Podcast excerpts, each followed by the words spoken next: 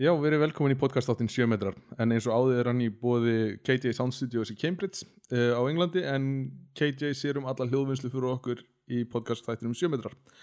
Ef þú er áhuga að fá aðstofi að gera podcastátt eða leia búnað uh, ekki hika við að hafa samband á kjsoundstudios.com en við erum með svaðarlegan þátt í dag. Við erum með Kjartan Ólásson Vító uh, Markas fulltrúa HSI og förum þar yfir víðan völl ræðum um allt millir heimus og jarða sem kemur að handbólta og margt annað. En svona rétt áður við byrjum að þá erum við með stórt skúp. Gretar Ari er á leiðinni í nýjan klub í Fraklandi og er að fara að færa sig um set frá Íslandi. Og hann er að fara að spila með Kavigal Nýs. Þetta höfum við eftir örugum heimildum og verður tilkynnt á næstu dögum. En af þættinum kjartan, gjör það svo vel.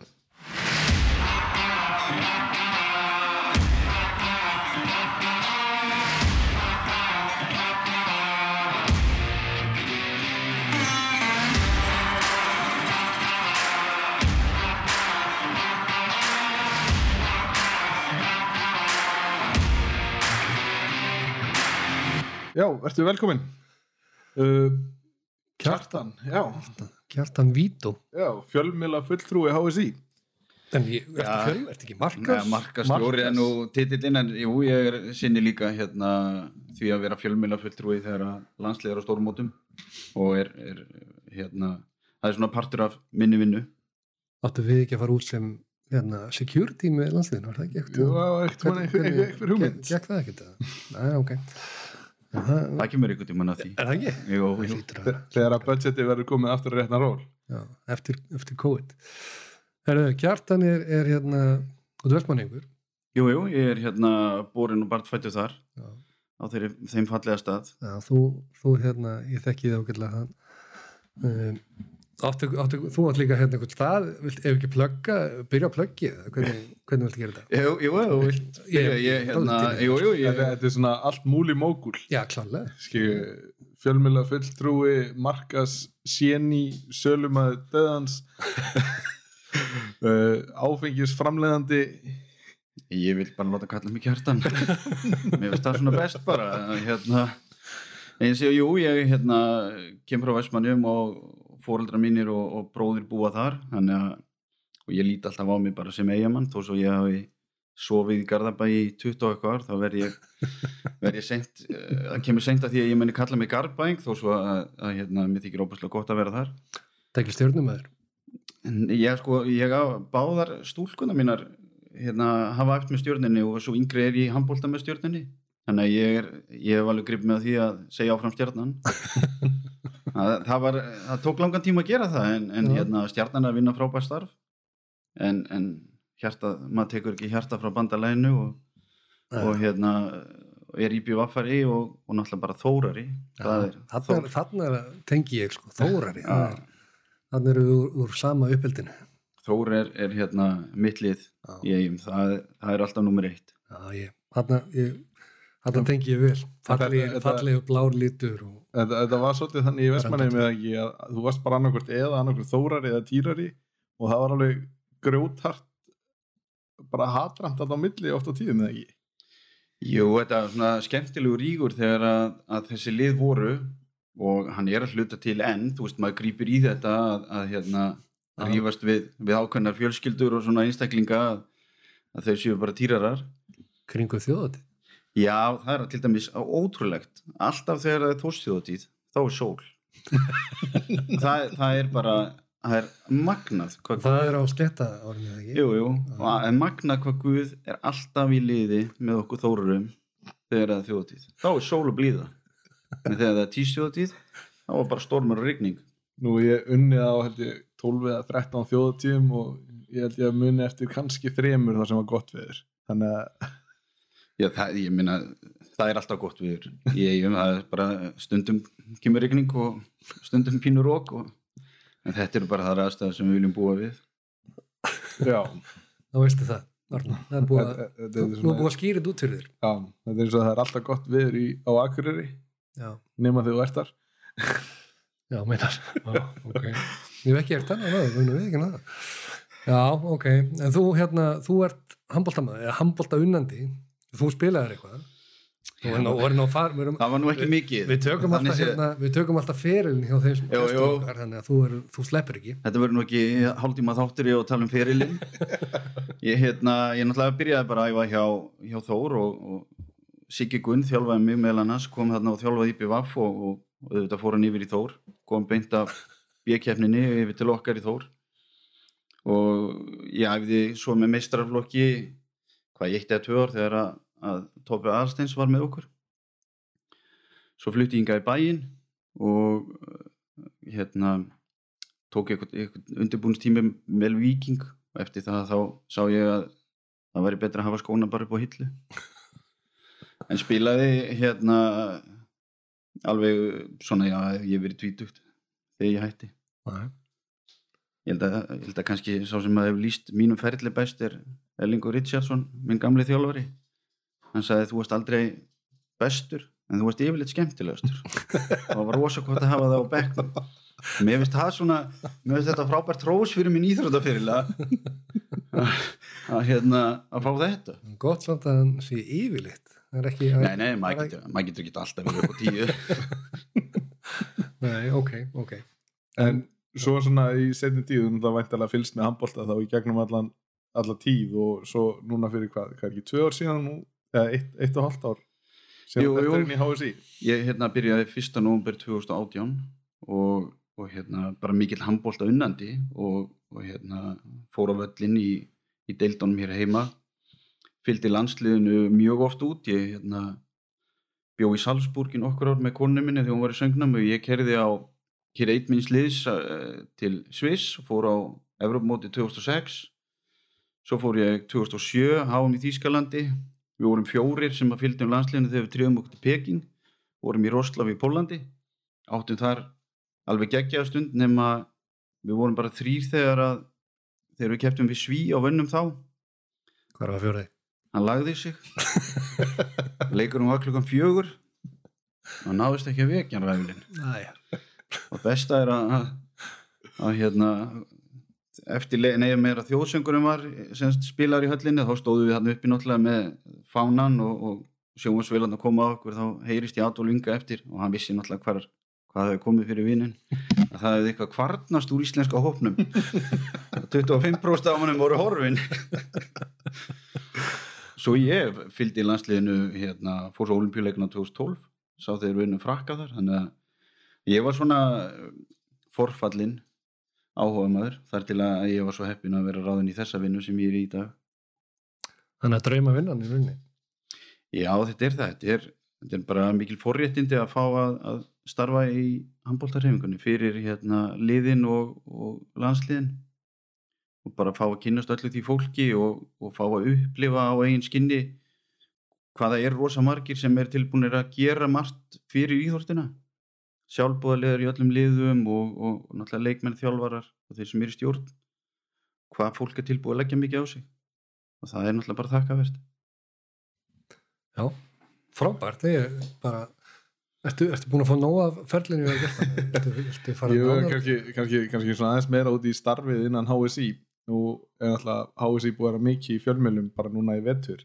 Uh, fjárhagsarleikar og alls, alls konar svona um, peningar sem hafa dottið upp fyrir og styr, nei, styrkir frá ISI og afreiksstyrkirnir og annað. Þannig að þetta kannski getur auðveldast að starfið að vera í sem svona markastjóri hjá handhandisambandinu það er alltaf margt sem að þarf að líta að og fjáraflanir og auðlýsingarsamningar og annað til þess að þetta gangi bara upp. Þannig að þetta hlýtur að vera svona krefjandi og mikið í kringum þetta Ég er náttúrulega, vist að við ræðum sko, hvað við segja, þennan, þennan hérna, afrekstyrk að, að það er kannski ekki fjárhags örðuleikar þó svo að, að 10 miljónir být alveg í.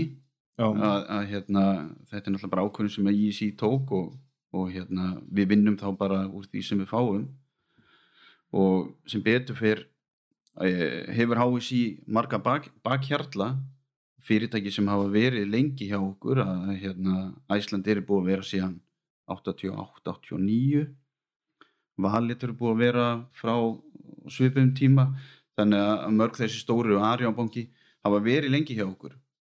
Samskip og, og bíla akkurirar og við eigum þessa trösta bakhjartla sem að, að hérna, hafa stutt íslenskan handbólta á landsliðin og háis í vel. Og þannig er það líka bara með marga af okkar klúpum að þau hafa marga stóra bakhjartla sem hafa verið lengi menn halda tryggð við íþróttina.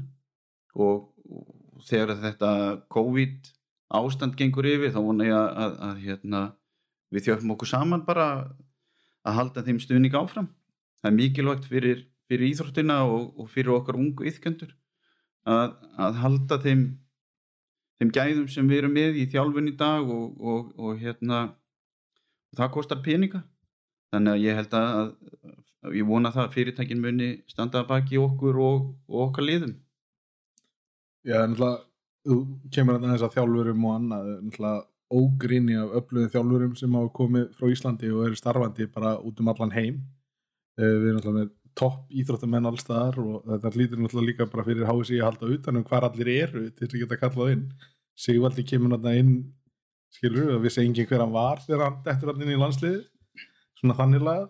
Nei, nei, það er nú hérna þeir spiluðu við Grikki vikun áður en ég byrjaði eh, hérna hjá HSI og ég var þarna aðstóða forræðar minn, hann, hann Bjarka. Og hann segi við mig takk þú bara núna fjölmjöla þú fær þá að sjá hvernig þetta er. Og Einar Rött Jónsson hjá Rúf kom til mín og sagðist vilja tala við Sigvalda. Og ég bara, Sigvaldi? Ég verði að fara síman og googla hvað Sigvaldi væri. Hérna, og ég viðkynni það bara alveg ég var að, bara auðan auðvitað fann ég Sigvalda minn og, og hérna þannig að, að hérna þetta er, umskiptin hafa líka verið gríðarlega í landsliðinu og ný andlit er að koma inn og, og, og það er hlutverk mitt að, að sína þessi nýju andlit fyrir okkar fólki Já, skilur hvort sem það er kallaði kannadindin, það er náttúrulega mikið umstangi í kringum bæði og svo yngri landslegin líka já, já. Það, er, það er mikið að gera í kringum það það er náttúrulega stórmót hjá yngri landslegum líka við bara á hverju einasta ári. Og... Já, það hérna, því við erum meður verður hérna, ja, lítur allavega út fyrir það að það verði lítið um landsleisferðir í sumar fyrir okkar yngri landslið þau að vera að standa sig gríðilega vel. Og það er hérna við höfum reynd að hafa umgjörðina sem allra besta í, í kringum okkar landslið hvort sem að það séu aðlandsliðin aðlandslið kalla á hvenna fá allt jæmt og umgjörðin er svo sama. Við erum ekki hérna að skipta einhverju einhverjum sponsorum eða eitthvað svolítið sem milli, það eru bara allir jafnir og allir eru eins. Og það er það sem við viljum gera og og erum að leggja meiri metnað í yngri landsliðin. Við erum alltaf að vinna með blá lóninu í hæfileika mótun, HSI og blá lónsins. Og reyðum þar núna Haldur Jón Sigfússon og, og, og Rakel Braga inn í það. Svo erum við með Alvoginn þar sem erum með hérna, stjórnur framtíðarnar þar sem við tökum tvær helgar á ári og erum svona að sína krökkunum hvernig umgjörun er í landsliðinu. Þannig að þau fá að kynnast í bara fyrr þegar þau eru 13, 14, 15 ára hvaða, hvaða umgjörð við höfum í, í kringum okkar landslýsæfingar það er mjög mikilvægt bara svona upp á framtíðin að fólk og krakkandi sjáu bara hérna hvaða kröfur við gerum til þeirra og, og allt í kringum það. En nú hafum við náttúrulega líka verið að vinna mikið með uh, fræðslu fyrir krakka og annað. Þegar við vinnið með uh, ekki eitthvað í sambandi við íþróttasálfrænga og fyrirlestra afregs, afregsstefnu og þannig semst fyrir þess að krakka sem eru í þessum Jú, við erum alltaf með í samvinnu við Háskólinni Reykjavík Já. erum við með svona fræðslu stofur þar sem að, að við fáum eins og núna í janúar vorum við með Einard Jónsson fréttamann þar sem hann var bara að fara yfir það hvernig þú átt að tala við fjölmila og hvernig þeir nálgast okkur úst, og okkar leikmenn og bara fara svona yfir hvernig eh, allur prósess er í kringum það. Síðan fengum við Margreti Láru og Elísu viðastættur uh, eh, Margret Lára er sálfræðingur og Elísa er næringafræðingur þar sem þær voru að fara yfir sinnferil og, og hérna andlega næringu og, og líkamlega næringu og þannig að við reynum að fræða okkar yngre landslið ekki bara á handbóltaveldinu þannig að við erum að reyna að taka svona breytt svið hverju sinni. Þetta, þetta náttúrulega hlýtur náttúrulega að skila sér uh, með bættu íþróttafólki til framtíðar. Að öll, öll þessi þetta utanumhald skilur að því meiri fræðsla, því meiri þekking og því betur getur einbyttir að sjálfu þér fyrir þessa íþróttamenn. Ég held að, að þegar ég horfið tilbaka þegar ég var 16, 17, 18 ára og því ég horfa á þess að krakka sem er í dag á þessum aldri og er í íþróttum þetta er bara tvent ólíkt. Bæði hvernig þú hugsaðir og hvernig þú hagaðir og, og það er bara frábært hvernig, hvernig þessi krakkar eru. Þetta er bara mjög professional krakkar og leggja mikið á sig og það eru þau sem eru uppskera og fá að spila í, í deildinni. Deildin hérna er að fá alltaf yngri og yngri krakka inn til að taka við stærri hlutverki. Það færist upp í landsliðin okkar og, og hérna þannig að þetta mun skila sér bara inn í framtíðina. Þetta er náttúrulega ekkert sambarilegt með þetta eins og segir með, með maður sjálfur eins og segir þetta 16-17 og hugsunin sem maður var með þá og með 16-17 og krakk í dag. Það er alveg Nei og þetta, þetta er bara það og sem bara að sem þjálfari líka þá hefur maður, hef maður upplifað líka sko, bara algjöran eh, svona bara kúvendingi á foreldrum öðru. Ég náttúrulega þekki vestmanniðar og ég veist að þú sért nú á svipuð með það þegar maður var að fara í þessar ferðir upp á land þar sem að, sem að stundum aðstöð þú verið með og það var yfirleitt til þess að þjálfarin hefði félagskap þegar hann skrapp út á djammið um kvöldið en Ja, það, var ekki sami hluturinn í dag sko. maður var spenntastu fyrir að komast í kringlun og fara í bíó. Já, já, menn, menn voru búin að skipulegja bíóferðirnar já, já, það, það, hérna, það var oft spurt í hálfleik hvert eru að fara að borða í staðan fyrir að spá kannski hvað átt að gera í hálfleik inn á, vellinum. En þetta er svona, eins og segir, meina þessi, þessi hugsunabreiting og, og klárlega er HSI náttúrulega að gera frábæra hluti í því með allir sinni fræðslu og, og náttúrulega með sína styrtar eh, þjálfara líka, eða styrtar prógrami, hvað, hvað, hvað ég vilji kalla þetta, eða hvernig það er. Jú, sko, ég held að, að sko, jú, HSI er að, er að gera sitt en svo er það bara liðin sjálf sem að, að hérna, náttúrulega búa til þennan árangur. Það eru þau sem að eru með krakkana miklu meira heldur en landslýsjálfarinn Já, og, og hérna, umgjör í kringum yngur flokkastarf er bara til fyrirmyndar á Íslandi og, og það er ástæðan fyrir að við eigum þennan fjöldi atvinnumanna, það er ástæðan fyrir að við eigum þessa góðu þjálfura úti og vonandi bara náum við að bæta enn meira þar í. Þi- þið voru náttúrulega að útskrifa núna hvað voru það, 14 masters?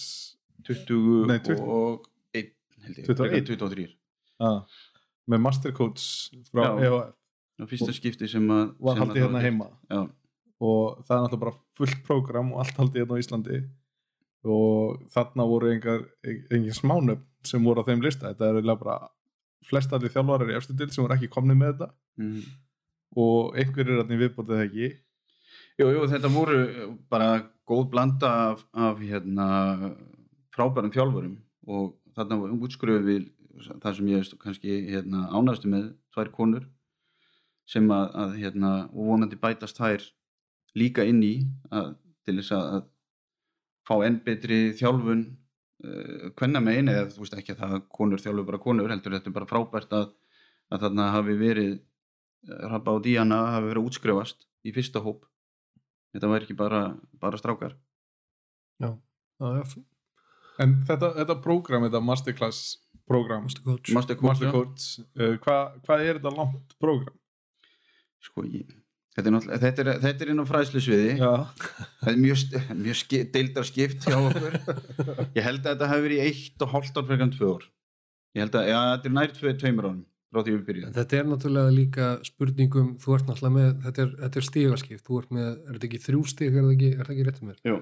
Og þú ert með fjögur stig í hverju, ef, ef ég, man- ég, ég manda rétt, ég mandi ekki hvernig hvort þú ert í A-stig, sem sagt A1, A2, A3, A4, er þetta ekki einhvern veginn þannig? Ég, sko, ég, núna erum við vorum við að byrja með til dæmis þjálfaramentun í fjarnámi Já. og hluti af því fræðslu sem er þar er það sem var unnið af mastercoach nefndunum að hérna, allir, upp, allir fyrirlestur voru teknir upp og, og þannig að við getum miðlað efninu til fleiri Mm. og þú þarft ekki að, að hérna, þú getur gert þetta heima hjá þér að langmestu leiti gott í svona COVID-dæmi Já, það, þannig að, hérna, og það bara ítti undir að, að uh, við settum það í gang. Já, þannig að þið keiri það fyrir á staðiraunin heldur en alltaf var. Já, þú veist, og það hefur oft verið líka hérna, erfiðar að manna námskeið sem eru bara á einhver ákveðni helgi. Já, núna hefur fólk frjálsæri tíma, getur tekið þetta heima á sér.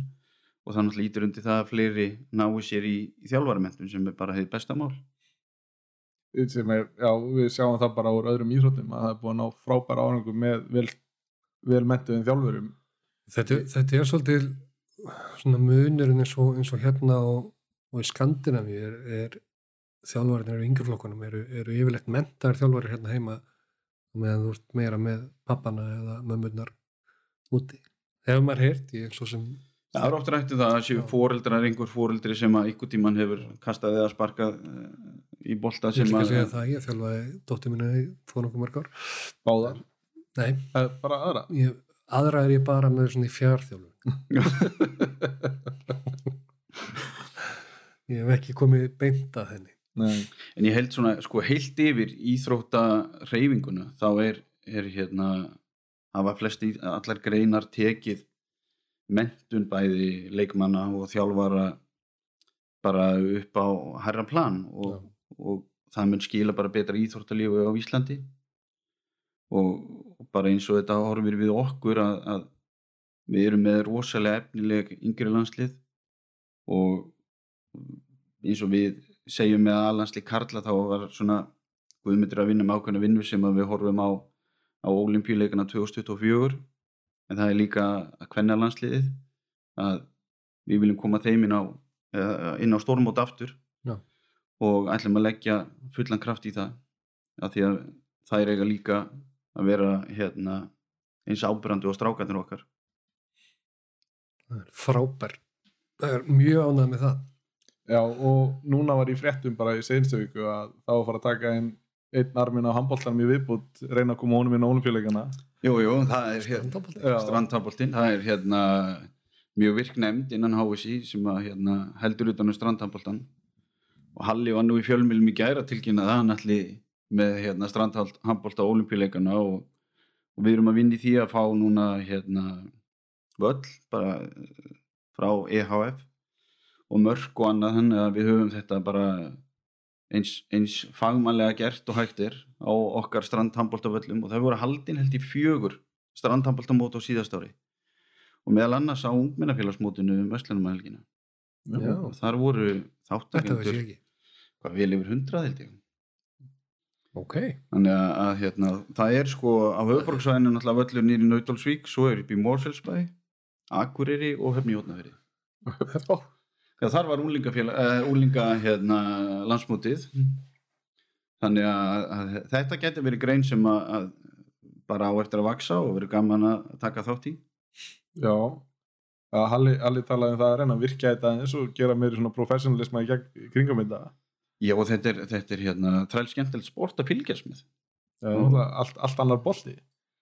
Já, þetta er bara Driblar ekki mér. Nei, nei, nei, nei og, og líka bara gaman fyrir vini og kunningja sem að hafa spilað handbólta og að koma saman í þessu og, og geta hérna leikið sér aðeins þegar að veðrið er svona komið aðeins á betri staðin við erum með það núna. Aðeins heitara og sólinn farin að skína. Þá er þetta ídeal sport Já, en já, þ- þið erum með virkanemnd innan HSI sem heldur utan en þetta og það ávar væntarlega að virkja þetta eitthvað aðeins meira í kjölfarið að þessum fréttum eða ekki? Jú, jú, það er bara hérna að það voru allavega fjögur mót í fyrra og vonandi ná að fjölga þeim í sumar og vonandi náttúrulega nú snýst þetta bara um það hvenar hvenar almannavarnir gefa leifi og að hefja einhverja íþrótteitkun þann sem einhver hópur má vera saman og í nánari nánari snertingu en tveim metrum eins og við sittum hérna núna langt á mill okkar En hvernig, með þetta strandabólta, hvernig er vinnurinn þáttukurétt á olimpíuleikum? Veistu það?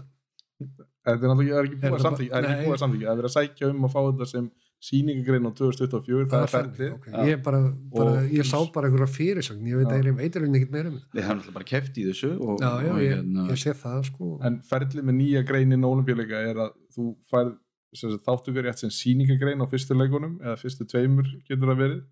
Og áður en þú færð sem sagt, fullan þáttökur rétt skilst mér að það sé. Já, það er þannig með allar, allar nýjar greinar en ólimpíuleika þannig að þetta er, þetta er langt ferli að koma þessu í fullblast þannig inn sko. þetta er bara hérna góð viðbót við, við okkar góð íþrótt. Spurning hvað verður, nú náttúrulega eru verður, semst, nú að vera ólimpíuleikar í ágúst eða ekki? Það er búið það er semst áttu að vera að segja fyrir ekki, ekki eiga að vera. Já, júli ágúst Já. hérna, það er Japan en en nú er náttúrulega búið að fresta þessu og, og þannig að þeir færast ári aftar. Já, það er samt spurningum að banna Japan að hafa ólimpíuleika því að senast þegar ólimpíuleikum var frestað þá voru Japan líka með það í setna heimstyrildinni já, já, þetta er smá svona saga. Já, vel gert. Vel gert, já, þetta er náttúrulega, já, þetta er náttúrulega ótrúlegi tímar sem við lifum, það er náttúrulega við náttúrulega getum ekki annað heldur en rætt um þetta COVID ég veit ekki hvað að kalla þetta fíasko, ég menna mótið, mótinu aflýst eða mótinum, öll, öllu náttúrulega bara aflýst. Er ekki búið að aflýsa eiginlega öllu í Európu líka nema Final Four? Ham- já það er Final Four, Það- það er ekki báðum því. Nei, að því, því, því var senkað já, en það er ekki komið dagsninga já, úslitin að hérna milli jól nýjós er, er það staðfest? já, það kom út, kom út frá þeim í dag. Og, já í dag, ok. Já, það er ég var ekki búin að sjá það. Aðeinsvert að því við rættum þetta við Janus það hérna í síðasta þætti þar sem hann, eins og hann var að segja eh, að þú kemst í Final Four eh, en ert sem sagt en svo er búið að skipta lið og þú ert komin í einhver aðra klúpa og, og klúbliðin eru náttúrulega bara ekkert eins skipuð eins og, eins og það hefur verið. Nei, nei, það hérna stefnir allt í það að það getur verið nýju leikmenn. Já, og, og hérna sem að tóku ekki þátt í undan nei, undan leikjónum sem að, að hérna en það var allan gefið út í dag hjá EHF að, að þetta verður milli jól nýjós já. Þannig að þá hefur maður eitthvað að gera á milli jól Já, nýjós það annað, en að telja Það niður var bara í, í eitthvað- landslýsæfingar það var eitthvað að fara að hérna, skoða hvað maður gerir með ljón nýjast en, já, en hvernig er uh, samskiptin við klúbana hérna heima? Uh, það er náttúrulega allir spenntir að fá bara að fara að reyfa sig aftur en maður heiði það líka oft á leikmönnum að þeir voru það voru einhverju leikmenn orðin pyrraðar að fá ekki að vita hvernig staðan væri og annað síðan var þessi offað. Uh, hvenar uh, horfið þið á byrja delli bara sama tíma ef allt gengur upp? Já, það er náttúrulega bara við fylgjum bara því sem að almannavarnir segja okkur og, og hérna einhvern veginn það lítur þannig út í dag að allt eigi að vera í eðlilegum gangi eh, þú veist, með við það hvenær deildin á að byrja að hún geti byrjað bara í september og, en það er náttúrulega meðast við það líka hvenær liðin geta byrjað að æfa. Hversu lengi eh, almannavarnir ætla að standa á tvekja metra reglunni og, og þannig að við bara býðum eftir og förum eftir þeim fyrirmælum sem við fáum. Við reyndum að, að býða eins lengi að við gátum með því að, að, að, að slaufa öllu. Þannig að, hérna, við bara hlýðum í því og, og hérna förum eftir því, þú veist, þeim fyrirmælum. Við erum náttúrulega bara í samskiptum við þau og sóttvartanleikni og fáum leiðbynningar hvernig æfingar getur háttað og hvernig við megum byrja. Í íþróttúsum mánuð þannig að hérna, þetta er bara því miður ekkert í okkar höndum. Nei. en þessi landsleiki undan, undan keppnir og annað uh, hvað það er HM á næsta ári? Já, háum í verið fyrir fram í Egyptalandi. Já. Uh, við áttum að spila núna uh, undankeppnina í júni áttum að spila móti Sviss. Sviss, nei bara núna ekki, ef við áttum leikið við Sviss eða sko strákarnir hefðu átt að vera núna úti á uh, Spáni. Já, það hérna spilaði umgleik þar en það náttúrulega var ekkert úr því og við býðum bara eftir fyrirmælum frá EHF hvenar þessi leikir við Sviss segja að fara fram. Síðan er kvennalandslið, það var búið að gefa það út að, að hérna, það er í lók mæbyrjun júni sem að Tyrkland. Ja, eða sko, við áttum að, áttum að fara til Tyrklands í lókmars og Tyrkina átt að koma hingað en svo búið að gefa það út að það er hist bara á einum stað og leiknir þrý leikir frá miðvikudegi til sunnudags og það myndi gilda hérna uppriðilinn til þess að klára þá leiki. Í stæðan fyrir að leika tvo leiki við Tyrkja og myndum við bara leika einn. Uh, og nú býðum við bara eftir því hvenar það fer fram hvort að það verði í júni vitum við ekki ennþá, við allan bara vinnum með það að þeir leikir fara fram þó svo að, að hérna, eða þar til að EHF tilkynna okkur annað. Þannig að við býðum bara róleg. Þetta eru, eru magnaði tímar. Já, já, því ég meina þetta er þetta eru bara verkefni. Náttúrulega mesta verkefni núna er bara að halda okkar ungu yðkjöndum við efnið og við fengum landslýsfólki okkar til þess að senda okkur æfingamindbönd og höfum verið að byrta þau á okkar samfélagsmiðlum þar sem að landslýð okkar er að gera æfingar bara heima hjá sér eða einhver hlaup úti og annað. Og við höfum fengið ég held að það myndband sem hefur mest verið hort á hefur farið yfir 10.000 Já, þannig að, að hérna, þetta er að ná góðri dreifingu og, og frábært að landslýsfólki okkar í allansljónum leggji þetta í púkið að halda krökkunum vefnið og, og hérna við erum mjög þeim mjög þakklátt fyrir að taka þátt í tímið okkur Og hver er vinsaldur? sko ég held að Hafdís sé enn yfir Byrnuberg sko. Byrnaberg kom eiginlega bara með eins og Óskarsvölun á stuðmynd klifta til mín og, og hérna lagði mikið í þetta og þau eru öll búin að leggja rosalega mikið í þetta en, en það er keppni á milli þeirra eins og er Ok. við velun eru hérna tvö pöru af kempasókum sem er eitthvað, eitthvað verðmættasti hluti sem að hver landslýs maður fær, það er aukapur á sokkum Já, það er svo þess. strákarnir hafa hérna, fengið öllítið minna áhór stelpunar hafa, þær hafa hérna, gert þetta vel, ég er ánægð með þær. Já, það er Það er það er að nutta þessu utan í strákana. Það eru það er ná meira til Ég sá, ég sá Byrnu, ég, ég, sko- ég var ekki búin að skoða í- frá Hafdísi, en Byrna með hrikalega flott. já, já, þetta er hérna, búið að vera fjölbreytt og, og skemmtilegt að, að hérna, ég hef gert nokkra ræfingar heima bæði hérna reyna að fá yngri dóttir mína til þess að fara eftir eftir þessu æfingaprógrami, svo hef ég svona tekið nokkra ræfingar sjálfur. Ég tek ekki tótaðiröð það er yfirleitt þreita í skrokkunum svona þegar ég er búin með. Það var til dæmis mjög skemmtileg tuskuæfing núna hérna þriðdæðin eftir páska sem að Já, hjá Þóri Róli. já, Þóru Rósa var með mjög skemmtileg æfingu. Ég pröfaði hana. Það er aðeins er erfið. það eru strengir í kallinum. Ég það verður alveg að viðkennast En það er gaman að fara svona út fyrir kassan og þetta svona hleypir inn aðeins öðruvísi lífi í þetta og hleypir kannski líka fólki aðeins næri þessu íþróttafólki að sjá hvernig þau æfa, hvað þau eru að leggja mikla, gríðarlega mikla vinnu í þetta. Því að, að vera í- íþróttamaður á þessu leveli sem að þessi krakkar eru er náttúrulega bara gríðarlega vinna. Þau, þau bara lifa fyrir sína íþrótt bara frá mótnindi kvölds og gera ekkert annað. Já, já. og náttúrulega uppskýrað með því að hérna, fá að spila landsleik sem ég held að sé eitthvað mestu heiður sem að þú getur gert sem íþróttamæður að fá að klæ- klæðast treyju þinna þjóðar. Og, og hérna og þess vegna erum við að byrja að byggja þau upp yngri og koma þeim inn í þennan kúltúr. En þetta eins og þetta ástandi núna þá hérna sem betur fer svona lítur það út að það taki nú enda í sumar og við komum sterkinn í haust Já, þetta er, þetta er, þú hefur gengið miklu betur heldur en maður einhvern veginn þorðið að vona. Svona, þetta leit ekkert rosalega vel út fyrir svona, hvað var að segja, hálfu mánuði. En þetta er búið að vera ótrúlega einhvern veginn svona búið að ganga svolítið hratt yfir. Ég er líka bara gaman að sjá hvað félögin eru virk ég sé það eins og með uh, eldri dóttir mína, hún er í handbolta í HK Skilur, við erum að fá sendar æfingar bara einu sinni tvisar í viku bara frá þjálfara og, og það er ekki bara líkamlegt það er líka verið að skilur, vinna í hugleiðslu og jákvæðni og sem sagt, svona markmiðasetningu og allt þetta og það, það er það sem að mér finnst að fá krakkana til að hugsa hvað þau eru að gera og nú er dóttir mín bara 8 ára og henni finnst þetta ótrúlega gaman að setjast niður og setja eitthvað niður á blað hvað hann langar að gera og hvernig hún ætlar að ná því og skilur bara niður í yngstu yðkendinnar sko.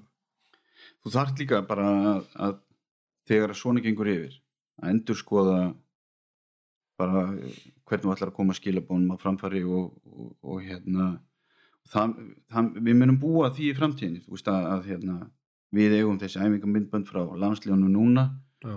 og, og þjálfararnir eh, ef þetta gerist aftur sem við vonum alltaf ekki þá hafa þeir gengið í gegnum þetta áður og eru kannski meira undirbúin að takast á við þetta og ásamt íþróttaliðunum. Þannig að ég held að við komum bara vonandi sterk til leiks þegar að tímabilið hefst aftur. Já, þetta, já, það er vonandi bara að þetta verði eins og segir þetta, það sé þetta bara standa við tíman, að bara byrja á réttum tíma.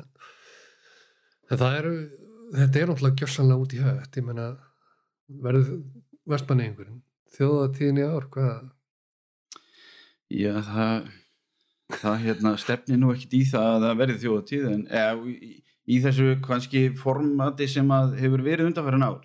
Já, ég, ég, ég verð nú, nú, nú ætlum ég aðeins bara förum aðeins út fyrir þetta, þó við séum þetta í handballta þetta að hérna nú, nú er hérna formaður IBF í gæðir að, segja er ekki, var ekki formaður IBF, er það ekki rétt hjá mér? Sem að sagði að það yrði þjóðatið ég bara einhvern veginn ég veist þetta ótrúlegt komment einhvern veginn, ég, ég skil ekki alveg hvað sko, ég er farin á nokkrar, ég veit hvernig það er að fara fram sko, tveir metrar er ekki drosalega mikið í pælingu í sko herjálfstaf sko Nei, nei. En þetta er náttúrulega bara í höndum almannavarna en, en ef ég þekki mitt fólk eigum rétt að þá verður fundin eitthvað lausn á því að það verði eitthvað.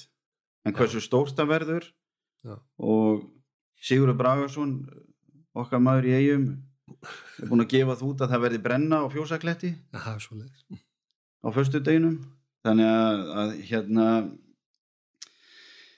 ég fyrir, í- þetta skiptir náttúrulega íbjöf fjárhagslega Já, gríðalegu máli og þessi mót og það gerir það heilt yfir íþróttarheiminguna að, Já, já. að þessi mót fái að, að, standa og, og bæði sko rekstralega og bara að krakkarnir fá að keppa og annað þannig að út frá fjárhagslegu hliðinni náttúrulega hérna skiptir miklu máli fyrir IBVF held ég að Ég, þetta er klárlega högg fyrir, við vitum það náttúrulega, þetta, er náttúrulega gríðalegt högg fyrir IBF ef, að, ef að þetta verður þannig að það verður ekki er bara, en, en eigamenn hérna vita það nú eins og aðrir að, að, að það er víðir sem ræður þessu og, og þórólur þeir hafa nú báðir búið í eigum þannig að hérna já, þeir, já, já, þeir eru að tengst já já og hafa nú verið á þjóti þannig að, að þetta er bara ekkit í höndunum á, IBF. á kannski IBVF að, að Nei. ákveða með hvaða formati þetta, þetta verður haldið og, og hérna en það er náttúrulega bara þessi að við náum að losna við þessa veiru hún, hún skoist aðeins hérna, til eiga eftir er mér sagt að- frá yfirvöldum að, að hérna, eftir byggarúsleilegin Tók smá byggar, byggarfagnan í eigum.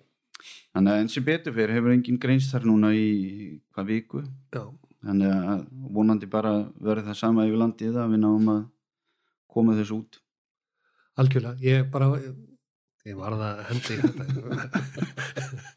þetta er, er þjóðatíðar undandi. Ég Veit, ég hef nú ekki verið síðustu tvö ár nei, hvað er það? Ég Hvaða hef er af og til oft tekið mér svona bara pásur að hérna, kona mín er ekkert mikið hrifin að fara mér eh, að hérna, ég vil eitthvað ég kem í dalinn sko, þá fæ ég svona þennan hnút og, og, og spennu sko, en ég er alltaf, mér er alveg sama þó ég fara ekki sko, Já, þó svo mér langi alltaf en, en hérna ég var ekki búin að setja stefnuna til eiga í ár og, og ég er búin að vera haldin í einhverju móti þá hugsa ég verði eitthvað starf annar staðar. Að hérna þe- þessa þjóðtíð það kemur þjóðtíð eftir, eftir þessa Já, skulum vona það. ég verð kannski bara nefn á skrifstofu að hafa sítið fjögur á föstuðinu fyrir verslunmælgi að vinna Já, það meinar. Já. Skipulegja nýja, nei, hvað, einhverja, hérna undakeppni eða eitthvað, er ekki, ég, það verður allavega nóga landslýsverkefnum held ég bæði hjá allandslík kalla á kvenna í haust og, og hérna og náttúrulega bara dildin að fara í gang og allur fókus fyrir á það já, þetta er, þetta er, þetta er búið aðtilsvert. En svo við förum aðeins aftur inn í handbóltan og, og tölum kannski um málefni sem við búum að vera að tala um í mörg ár. Lögatarsællin, hún er náttúrulega uh, á undanþáðu frá alþjóðu, al, alþjóðu keppnum. Uh, hver, er, er einhver vinna í gangi í kringum það? Það er náttúrulega alltaf að tala um að þetta sé einhverju nefndum og að það sé alltaf að íta á þetta. En er einhver umveruleg vinna að, að nefnd. Já, Já, það er, það er hérna nefnd í gangi þar sem að Guðmundur formar HSI leiðir. Í henni er formaður og frangatstjóri KKI svo fylgtur úr ISI og einhver frá, frá borginni og einhver frá hinnu ofinbera og ég uh, er alveg menna hún ef allt hefur verið eðlilegt og þessi COVID hefur ekki verið þá hefur þeir átt að skila af sér held ég ykkurum draugum í apríl bara varandi hvaða kröfur við þurfum að fara í og annað. Þannig að það er allavega að byrja að íta undir það að þetta mál komist á meiri hreyfingu. Og ég hef trú á því sérstaklega núna þegar að, að samfélagi þarf á því að halda að við komum með ykkur einspýtingu að þetta sé eitt af þeim málum sem að mentamálra á þeirra skoði. Höllin er náttúrulega vatsins tíma síðan 1962 eða 8 er ekki 62 60 og voruð ekki á setjumilgjuna það var hérna 65 geta verið hún var til dæmis bara byggð þannig að hún átti að duga í 20-25 ár. Já, það er, það er komið aðeins yfir Yfir, þann söludag sko. Já, það er lítið er lítið. Þannig að, að hérna en þetta við bara býðum og það er alltaf það er, þessi, þessi endalösa býð eftir þessar ákvörnumtöku að setja í gang og, og hérna KSI er að pressa sitt og við erum að pressa okkar sem að notum höllina þannig að, að, að hérna pressan er mikil frá íþróttarhefingunni og, og hérna ég trú ekki að við munum á svona næstu einu og hálfu árandi kannski fá eitthvað svona endalega niðurstu bæði varandi staðsetningu og, Já, og ég- þá hvernig bygging um, það sem ég ætlaði að spyrja um staðsending er, er það er það lögadalurinn eða er, er, er við að líta til ykkur annar ég, staða, þekkir það? Ég bara, það er ekki hérna, ég held að það sé bara að vera að horfa á alla hluti og, og hvaða, hvaða staðsetning hendi best. Við veitum náttúrulega laugadalurinn frábær sem bara íþrótta miðstöð Já. og, og hérna mín persónulega skoðun er svo að, að höllin ætti að vera þar. Það er hérna samgöngur eru góðar og er svona yfirleitt næg bílastæði. Þannig að, að hérna, ég vona að, að höllin verði þar þó svo að eh, ég vil bara fá höll. Að hérna, en, en hvað sem hann við hvað sem hann á að erum vera svo. náttúrulega að sjá það að liðir að detta út í Evrópikeppni fá ekki keppnisett út af því að við eigum ekki nóga stóra hallir við eigum ekki nóga stór mannvirki til þess að halda uh, alþjóðlega leiki. Það er náttúrulega sorglegt hérna, uh, hvaða lið var, ekki Selfoss. sem fekk ekki að taka þátt í að ekki mistardildi ekki, Já, já, mistaradildin sem að já, en sko krafan verður alltaf meir og meiri og krafan í meistaradildinni er bara að fara að aukast. Og, og hérna ef við ætlum að eiga séns þar í framtíðinni þá þarf höllin líklega að taka 8 til 10 úrs manns. Vegna þess að kröfunum munum bara aukast og að þær séu í dag held ég 2500 úst, og það á að fara að hækka það. Þannig að við erum ekki fara eða vonandi ekki að fara að byggja höll sem að dugur okkur í dag. í dag sko, veist, og, Nei, nei. og ég treysti bara hérna þessari nefnd að ná einhverju góður niðurstöðu og, í saminningu við ríkið og borg. Ja, þú ert náttúrulega komin í svona aðra pælingar, þú getur, þú getur ferð, ég meina, mannverkja þróun hefur náttúrulega verið svo gríðarlega þú getur smíða svona fjöl nota hús sem þú getur breytt og, og leikið með búið til velli hinga og þanga Já, ef við já. getum orðað það þannig. Eins og Malmö og Reyna þar sem við vorum í janúar það er, er hokkihöll Já. og þegar ég kom þangað fyrst inn þá var verið að setja upp hokkivöllin það var leikur daginn eftir. Og þetta eh, þannig eru flestar hallir í dag. Þar eru, þar eru ekkert eins skorðar við einhverja eina íþrótt nema bara eitthvað eitt íþróttalið eigi hana Já. og svo er þetta tónleikahallir og, og fyrir alls konar ráðstefnur og, og fleira. Það er þetta að tengja menta mentaliðan inn í með því að opna háskólana eh, inn í svona byggingar. Þannig að þetta verður alltaf einhvers konar fjölunóta höll sem að, að við munum vonandi fá bara sem fyrst Já, við, erum- við erum að trúa því Já, það er líka alltaf leðilegt að heyra í hvað skipti sem að landsliðin koma saman að það er vesinn að fá æfingatíma og er á hurðarhúnunum hjá félagsliðum til þess að reyna að fá tíma í húsónið þeirra og annað. Þetta, þetta, er, þetta er náttúrulega bara ekki bóðlegt. við hefum sem betur verið mætt ótrúlega velvild hjá, hjá félagunum Já, en, en það sem ég er að segja er að við eigum ekki að þurfa að Nei, í þeirri aðstöðu. Sko. nei, nei, veist, að, bara, en við verðum bara að vinna með það sem við höfum og, og sem betur fyrir eru, eru félögin hérna ótrúlega hliðhóll okkur að, að opna sínar sínar dyr að, að hérna, sínum íþróttasölum þannig að við getum æft en þetta er, þetta er oft mikið púsluspil hvar á að æfa og hversu oft í þessu húsi áður en við færum okkur í eitthvað annað þannig að, að hérna, þetta mætti alveg vera betra en svona er nú, svona er nú bara aðstæðan eins og hún er. Aðteglisvert sko að, rosalega ofta þú æfur í húsi hjá þeim því félagi sem að þjálfarin er landsinsláðin er oft úr félagi og það er svona oft já, já, þetta er í þau hús við vorum nú hvað fyrir janúarverkefni þá byrjum við hjá Gróttu út á Seldarnissi svo farið við í Víkina einu sinni svo vorum við eitthvað hjá Fram vorum við eitthvað á Haukum þannig að það er flakkað töluvert um með, með allan búnaðin og, og, og leikmennina og þjálfarana. Þannig að, að hérna, þetta er oft mikið púsluspil. Aðteglisvert, skemmtilegt. Skemmtilegt, það, kjarta reddar þessu það- Jú, jú, þetta er, þetta er eitt af því sem er samt ekki ná markasviðin En þið gangið svolítið mikið bara í þau störf sem þurfa innan HSI eða ekki, eru mikið Jú. að flakka á milli og skipuleikar og leikjum og annað og sjáum við að bara allir inn á skrifstofunni er bara komin í öll störf líku við afgreiði sjoppinu ef það, það þarf til sko.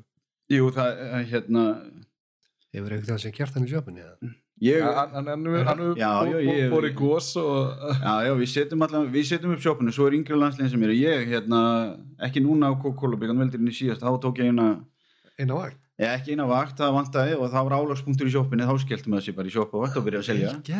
Það er ekkert, mærri að hérna sko, Róbert, framkvæmstjórun okkar hefur passað sig á því að setja í alla ráningasamninga skilgjent hvað við höfum að gera og svo önnur tilfallandi störf.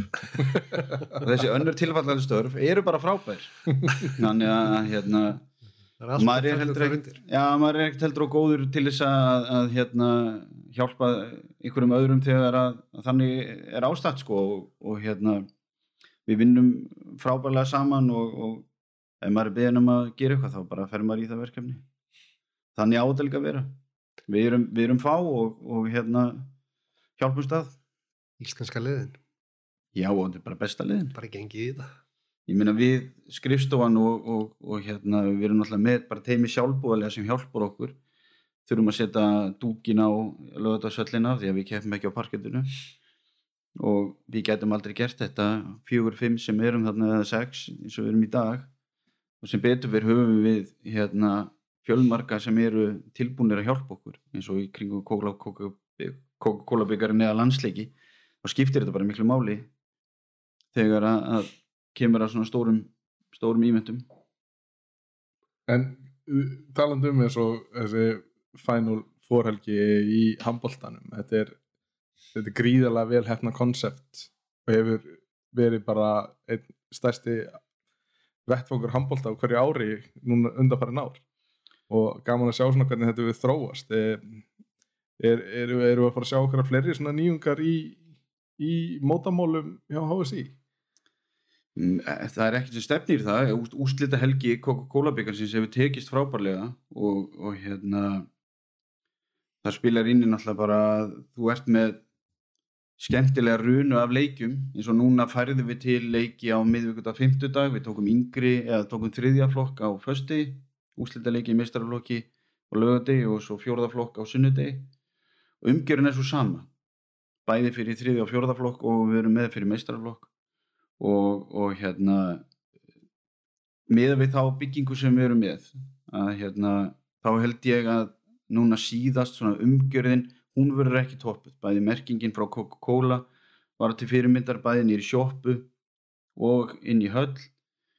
Eina sem við myndum vilja gera er að vera með eitthvað ljósasjó en ljósin í höllinu eru þannig að þú slekkur á þeim þá þarf að býða í korter þá meðan að, að ljósin kæla sig. Svo getur þú kveikt á þeim og þá ertu að býða í annað korter þar til þau eru komin í keppnislýsinguna. Þannig að það er svona við getum ekkert breytt því alveg eins og er. Nei. það er á svona tveggjar á planinu hjá lögatsöllin að taka búningsklefana og, og, og ljósin í gegn. Já, eða bara nýja höll. Já, en það er ekkert í deglunni að, að fara að skipta út uh, sko deildarfyrirkomuleginu en hérna það, það er bara við öfunda hefur þetta gengið vel og, og hérna leitt að við gátum ekki farið inn í úslita keppninu núna. Já, það er mjög sorglegt því þetta, þetta leit út fyrir að geta verið mjög skemmt til ústakefni Já, það er mjög mörg sterk lið hérna heima og já, var svona, svona góður stígandi fannst mann í í, í deildunum. Og þannig að maður svona það er eins og að segja, það getur verið mjög skemmtilega Það gat- allir geta unnið alla. Já, og það var svona svo, leis þannig að þetta og bæði kalla á hvernig að, að bara sorglegt að hafa ekki náða að klára þetta. Algjörlega. Það segði mér hérna að því að, að, því að þú ég veit ekki hvort ég er að markast hérna sviðið sé ekki nú gott en nú hefur verið og, og, og það hefur verið svona svolítil eh, vesen eða, eða svona, ég bara fækkun sérstaklega hvenna megin náttúrulega reynda bara fækkun yfir höfuð hefur verið fækkun kalla megin líka en, en meiri hvenna megin og nú náttúrulega saminning fylgir fjölnir eru að saminast í er gaf nú út að þeir væru hættir með kvennaboltan en virðist nú vera í ykkur endur skoðan þar sem betur fyrr eh, er eitthvað er þið með eitthvað svona hvað er þetta að gera til þess að fjölga líðum og, og fá líð inn í þetta? Ég meina, er, er eitthvað hægt að gera? Er þetta bara er þetta bara allt í rugli? Getum við ekki gert þetta? Ég, sko, ég til í að gera hvað sem er. Ég Já, bara, ég til í að bara koma og standa út í rigningu eða gera hvað sem er skilur en ég get, ég get gert eitthvað ég, sko það er allir að vilja gerðir að, að ebla bæði kalla og kvennahamboltan og, og hérna við erum alltaf að skoða hvað við getum gert til þess að styðja okkar lið og, og, og aðstofa þau. Uh, núna verður þetta enn erfiðara náttúrulega eftir, eftir þessa blessuðu veiru. En uh, við þurfum fyrst og fremst að ebla yngraflokkastarfi og fjölga þar yðkendum og tryggja það að þau haldi áfram. Það er ákveði brottflall á ákveðnum aldri það er það sem við þurfum að taka slægin að fullir hörku við til þess að við fáum fleiri yðkendur til þess að verða eldri yðkendur í íþróttinni. Og það er bara hérna, þau verkefni sem við erum alltaf að skoða við vorum í hérna, nýleina verkefni með bónus og meðan að EM í handbólta var. Já. og það skilaði yfir 400 nýjum yðkendum inn í reyminguna þannig að, vonandi náum við að taka þetta árlega. Við erum alltaf að skoða hvað við getum gert. Og núna eins og í sumar þegar að við byrjum aftur þá náttúrulega eh, vonum við að, að þeir yðköndur sem voru fyrir hafi ekki gefist upp á þessari pásu og þess vegna fórum við í þetta verkefni með landslýs fólkinu okkar með þessum æfingum þannig að og liðin eru líka að gera helling þau Já. hafa verið duglega að, að, að hérna, halda krökkunum vefni og vonandi missum við ekki út upp á framtíðan að gera Nei. en svo er náttúrulega bara handboltin er eins og, eins og hann er á landakortun okkar í dag þá er þetta hérna á höfuborgarsvæðinu svo er þetta í Vespanum og Akureyri Já. að, að hérna að fá fleiri lið til að taka upp handbolta. Við sáum eins og í þessu hérna, verkefni okkar í janúar að það var að vera ósk eftir því að fá bolta á Víki Mýrdal og Borganes og, og við sendum það bara þangað. Þannig að við vonum að, að með tíð og tíma náum við að byggja upp áhuga á einhverjum stöðum hjá einhverjum íþróttaliðum sem eru fyrir Já. að taka handbolta inn sem íþróttagrein Ég þú ert náttúrulega með eins, eins og við tökum bara nú, þú ert náttúrulega með í á, á skaganum sem að ég spilaði nú út í að Jú, jú, ég- var í yngri flokkum Já, Keflavík og, og Keflavík. Grindavík og, og hérna Hveragerði. Spila aldrei á móti hveragerði. En þetta eru klúpar sem eru ekki með, með handbólta í dag og, og hérna með, með því að menta fleiri þjálfara. Vonandi getum við komið einhverju starfi líka á fleiri staði Höttur kom nú með sjömenn hérna eitt árið og það voru helviti góðir Ég, við erum með sko mörgum árum. við erum alltaf með á Ísafyrði í annari deildinni og, og hérna og uh, þannig að, að þetta úst, með, það máli ekki gefast upp þó að, að, að það tæki 2, 3 ár eða 5 ár nei, nei. það er kannski oft vandamálið að, að, að hérna, menn missi dampin og gefist upp Þetta hefur verið eins og, og keflaðið að þeir hafa reynd svona hafa komið upp svona við og við og, og verið kannski í, eins og segir þetta þrjú það var 2004. stofnað, það verður yngri flokkastarf hjá hérna, ég held að heiti handbolta félag keflavíkur. Það var endurvakið núna ok, í, í vetur þannig að, að þeir fara á stað og, og við ætlum að stýða þau í því. Þannig að hérna vonandi bara heldur það áfram. Handbólti er vinsalesta sjónvarsýþróttin að við vorum með á rúfi fyrra já, já, yfir tíu beinar útsendingar var handbóltin með 1, 2, 3 og 4 og 9 yfir landsleiki, yfir mesta áhorf. Og það er um yfir 50% áhorf á rúf þegar að, að hérna, við erum á stórmóti þannig að þjóðin fylgist vel með okkur. Nú þurfum við bara að færa það yfir á krakkana og að fá þau til þess að taka upp handbóltan og fara að Já, kasta og, það, og það er náttúrulega líka náttúrulega fréttir bæði frá Þýskalandi og Fraklandi þar sem að handbóltin er, er hérna samanskapi vinsalasta íþróttar Sjónvarpsíþróttin, já. íþróttar já, já, sem er náttúrulega smá svona slappinda feils í fótbolta í táfílasportið en, en það er annar mál.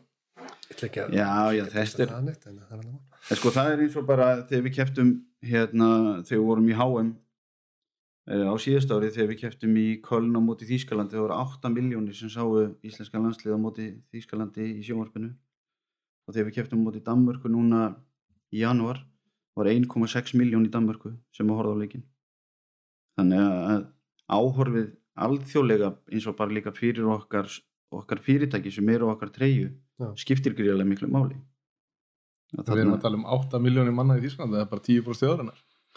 Já, þetta hérna bara frábæra tölur fyrir, fyrir okkar leikmenn og landsliðið og, og þá sem að standa baki handbóltanum. Já, kekja En eins og með fyrir HSI, sjónvarstekjur og annað, eh, eins og þú talar um, þetta er, er stærsta landsliðs áhorf er á handbólta á landinu. Já, við vorum með það í fyrra, hérna, þá vorum við með þetta, en sjómastekjur almennt bara í handbólta eru ekki, eru ekkert sko til eins og þær eru í fótbolta. Þetta er ekki tekjulind fyrir, fyrir eh, liðin eða okkur. Þannig séð að, að hérna, þetta er því miður ekki sem að skilar okkur einhverjum gríðlegum tekjum. Við höfum unnið vel eins og með deildina í hérna með stöðtöð sport. Rúf er með kólabækarinn og vinnum vel með þeim og landslið er, er á Rúf með hérna þessi stórmót og þjóðin er að, að horfa vel á þetta en eins og áhorf úti skilar okkur ekki neinum sjónvastekjum þegar stórmótin eru. Það... Það- sorglegt með eins og Sport TV sem, að, sem að var að sína hérna mestaradeildina og, og búndisleikuna því sko að Já, frábært það sjónvasefni. bara geggjað sko ég, maður í, þegar kona fór út þá styrti maður á þetta og maður satt yfir þessu og horfði á hann að leiki til leik En, en nú erum við að sjá líka að öll þessi félagsjónvarstöðar er að vinna gríðarlega gott starf líka. Við erum að tala hérna um Haukar TV og Selfoss kom, TV vel og byrjar TV og öll þessi, allar þessar útsendingar að, skilur það er eftirspurð eftir því að horfa á þessa leiki. Sko ég held að, að varðandi sko útbreyðsluna og, og hérna sínileika uh, deildanar, deildarinnar eins og við höfum verið með ólýsteildina að þá er eittir tveir leikir í hverju umferð uh, á stöð 2 og svo eru, ég held að flest lið, ég held séu tvö sem eru ekki með í beinni útsendingu. Og bæði grafík og, og, og þulir eru að gera þetta rosalega vel. Og liðin er leggja gríðarlega mikið í þetta ég get horta á alla heimaleiki IBVF uh, hvort sem eru annarkvort hjá Stöð 2 eða hjá IBF TV ég horfa á Haukar TV og Káa TV og maður mað getur gert þetta heima og maður getur séð miklu meira heldur en að, að, að hérna, maður komst yfir áður og ég held að þetta ég eftir að stækka töluvert Mhm. fyrir liðin bara hérna til þess að auglýsa sitt lið og, og opna á enn meira áhorf. Fyrir, fyrir þau lið. En ef, sko, nú líka alltaf verið að tala um fækkun á áhörundum og vellina og annað. Síðan kemur úrslutakeppnin að þá fyllast allinnar mm -hmm. og við náttúrulega erum að horfa á það að úrslutakeppni verður ekki ár. Eh, þetta er náttúrulega gríðalegu tekjumissi fyrir þessi félög að missa úrslutakeppnina þau sem eru þarna í áttalega úrslutum hjá körlunum, fjaralega úrslutum hjá stelpunum. Uh, hvað er eitthvað hægt að gera til þess að fá þetta jafnara yfir árið Hva, hvað getum við gert til þess að virkja fólk til þess að mæta á öllin sko ég held að, að að hérna oft er talað um sko aðbúnaðar áhörunda og þá náttúrulega er það bara mismjöndi íþróttahús og annað. En svo eru líka mörg lið bara farin að bjóða upp á afþrengu. Þú ert að bjóða upp á eitthvað mat getur komið fjölskylduna og getur keitt hambúrgara eða hvað sem er. Og það muni draga fleiri þannig að fjölskyldan fari saman á völlin það er það sem að liðin hafa hérna, verið að gera mjög vel. Vera með svona einhvern ívend í kringum þetta, það er batnagæsla í, í, í, á meðan og leikstendur og það er einhver matur og þannig að, að hérna, liðin eru svo sannlega að gera sitt allra besta að reyna að fjölga áhörundum en því miður er það nú bara þannig að, að hérna, og við Íslendingar erum bara þannig og ég var það líka ég fylgdi yfirleitt í BF á völlin bara svona þegar það var eitthvað stórleikur sko. og við vorum komin í úslit þá fórum maður í kvítutreyðuna og mættur bandbrjálaður upp í stúku og maður var ekkit ofta að, að fylgja þeim yfir vitur, maður fylgdist með þeim en maður fór ekkit endilega að horfa á þá sko.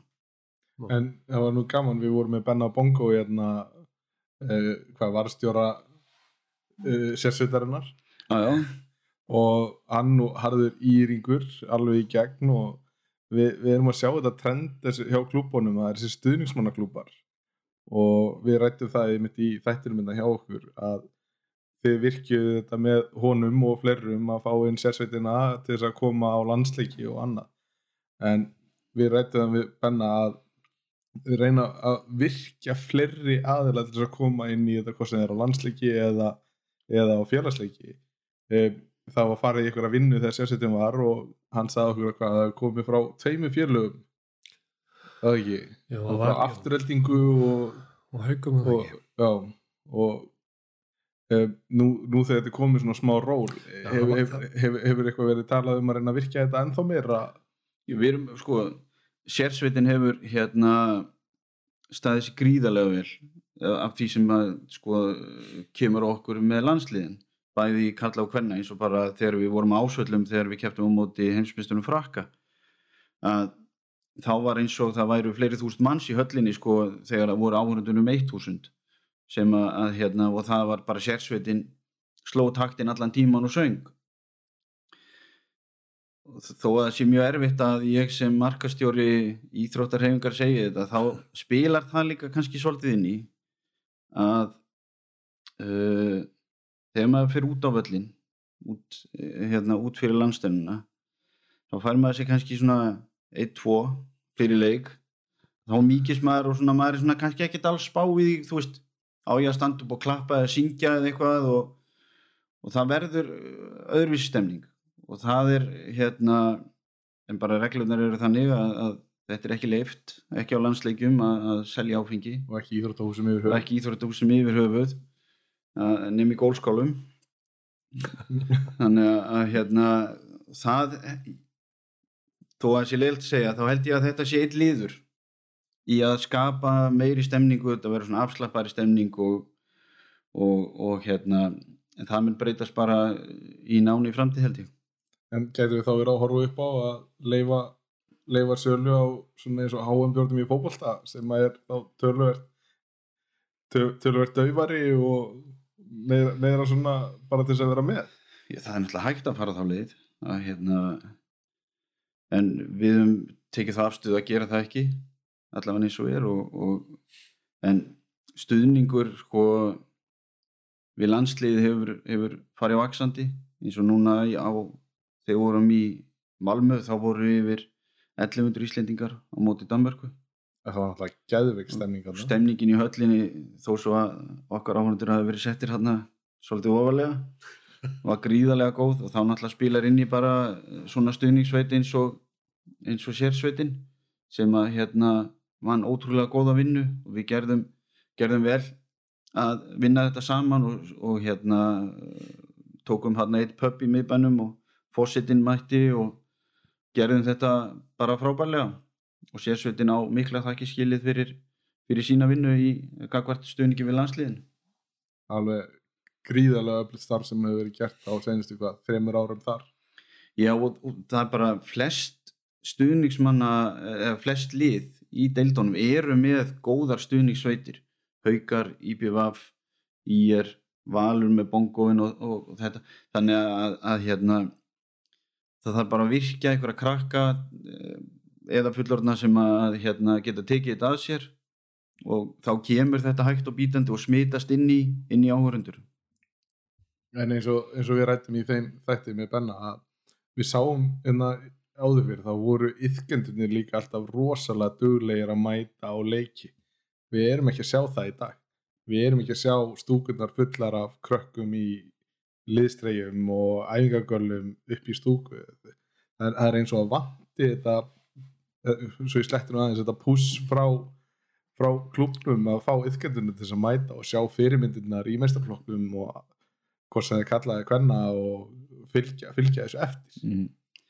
ég held, held líka að, að hérna þegar við, við Jenny vorum ungir þá höfðum við ekkert svo mikla afþreyingu aðra, í dag eru bara líka krakkar með, þau eru að stunda þú ert í handbólta í ballett eða dansið einhverju öðru alltaf með íþróttinni. Og svo ertu náttúrulega í skóla og svo er tölvaðin heima eða símiðin það er bara miklu meira að kalla á aðtikli þessara krakka í dag. Og það er náttúrulega bara verkefni sem að, við þurfum að vinna með okkar liðum að ná þeim aftur á völlin þetta var það skemmtilega sem að gerði að, að fara á völlin og öskara sig hásan og klappa fyrir liðinu sínu og, og hérna eins og til dæmis gagvart, gagvart stjörnunni þar sem að dótti mín er þær fá að leiða inn og, og draga þá okkur fóreldrana á völlin og ég held ég að fari á flesta leiki stjörnunar í í kvenna í vetur af því að dótti mín var að leiða inn eða á trómánum ykkur staðar og þá fylgdi maður með og, og skemmti sér konunglega. Alveg, alveg klart og það er kannski uh, nú alveg dottur um hvað ég ætla að segja. En, en þetta þessi, þessi barátta um tíma barnana og þessi barátta alltaf að reyna að ná aðtiklinni e, þessi þessi, þetta prógram sem fór í með landslismennunum, heimaæfingarnar og annað um, það, það, það er spurning sko hvort að við getum ekki reynd að virka þetta ná til krakkana í þeirra miðlum til þess að virka þennan áhuga fá þessa umfjöllun, Vi, við erum búin að tala mikið um það að umfjöllun og kvennaboltan er ekki nærrið því á sama leveli og kallaboltin innan heima. En þetta er samt alltaf að jafnast aðeins út en, en því meiri umfjöllun, því meiri áhuga er á, það, þetta er bara alveg svo með þegar það var opnað inn á sólæringsverslandunar ef það er opið þá kemur fólkið sko. Já, já En það er bildið vil kann Já, sko víst á eins og þú, þú nefnir hérna kvennahamboltan sem betur fyrir hefur umfjöldunum hann aukist gríðarlega. Og, og hérna en ekki til japs því miður og það er það sem við ætlum okkur að, að hérna og gera í veli veitur að vera með uh, uppgjörstætti um kvennaboltan og þetta er bara það sem við leggjum áherslu á að það sé jafnbreðni þarna á milli það viljum við og þangað ætlum við okkur. Já og eins og Þórei og stelpunar í framtjöluðum að e, það er með, með þessari mismunum í umfjöllun. Strákarnir eru með viðunefnin í umfjöllun það er verið að djóka með alls konar mm -hmm. af því að menn eru farin að þekkja leikstílin og annað. Þetta er ekki að koma inn hjá stelpunum af því að umfjöllunin er ekki nóg. Og það, það er mjög leiðilegt að heyra þetta frá skilur afreiks íþrótt á fólki mm. talandi um það að það er, er endalið sparátta um aðtikli og þær verðast allstað að koma að lokuðum dyr og eins og þær töluðu um að jú, þetta er að breytast en þetta er ekki að breytast nú að hratt. Nei, nei, það, það, það er alveg rétt og, og við leggjum mikla áherslu á að snúa þessu við. Og, og hérna vegna þess að við gerum bara kröfu á það að, að þetta eigi að vera jæmt og á móti kemur er að eins og gagvart uh, stöð 2 að þeir hafa bætt í og við stýðjum þá í að gera einn betur og þeir munu gera betur uh, á næst ári. Ég er alveg samfærður um það. En þá ertu hérna að berjast við meistardeldina og þá er ég bara að horfa á sko handbóltan, ekki endilega sko kakvart hvenna, það er handbóltin hérna, sem við erum með. Ert með meistardeldina uh, þú ert með ennska bóltan á einhverju hérna hjá, á öðru plattformi að, og því miður er bara keppni um tíma og áhorf orðin gríðarlega erfið hjá þessum íþróttastöðum að hafa það efni sem að hérna, sem að við viljum hafa í loftinu hverju sinni. Já, en þetta er- kannski líka hugafarsbreyting hjá fólki eins og þegar við byrjum með þennan þátt að þá fórum við að skoða að fá styrtaraðila og annað og við töluðum við íþróttaverslanir og töluðum við alls konar fólk.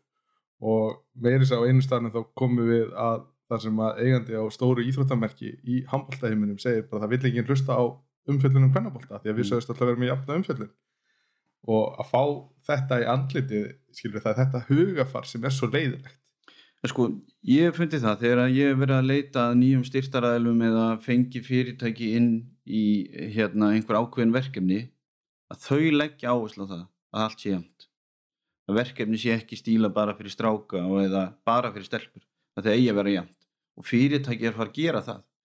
Og þannig hérna verðum við bara að vinna. Þannig hefur HSI gert hérna lengi gagvart aðbúnaði í kalla og kvennalandsliðinu. Við greiðum dómur um það sama.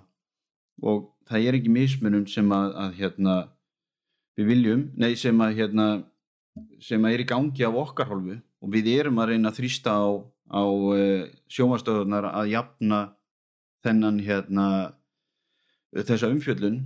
En eins og núna bara í vetur þá var, voru upp, uppsagnir á uh, morgunblæðinu og það hefur verið á fleiri fjölmjölum og það verður bara og það er erfiðar og erfiðar að fá góða umfjöllanir í fjölmjölum í dag og þess vegna er eins og þáttur yk, eins og ykkar það er bara þessi nýju miðlar sem er að taka líka mikið yfir Já. sem að, að hérna, eins og bara sjómanstöð íþrótta liðana sem að munu aukast og, og vera hluti af því að jafna umfjöllun á, á milli ólýst karla og kvenna Já, ég held að þetta séu bara svona fín loka orðið, eða ekki? bara frábær Já, þakka þér aðeinslega fyrir komuna takk fyrir Og- að mæta Takk hérlega fyrir mig bara þangar til næst. Takk, takk.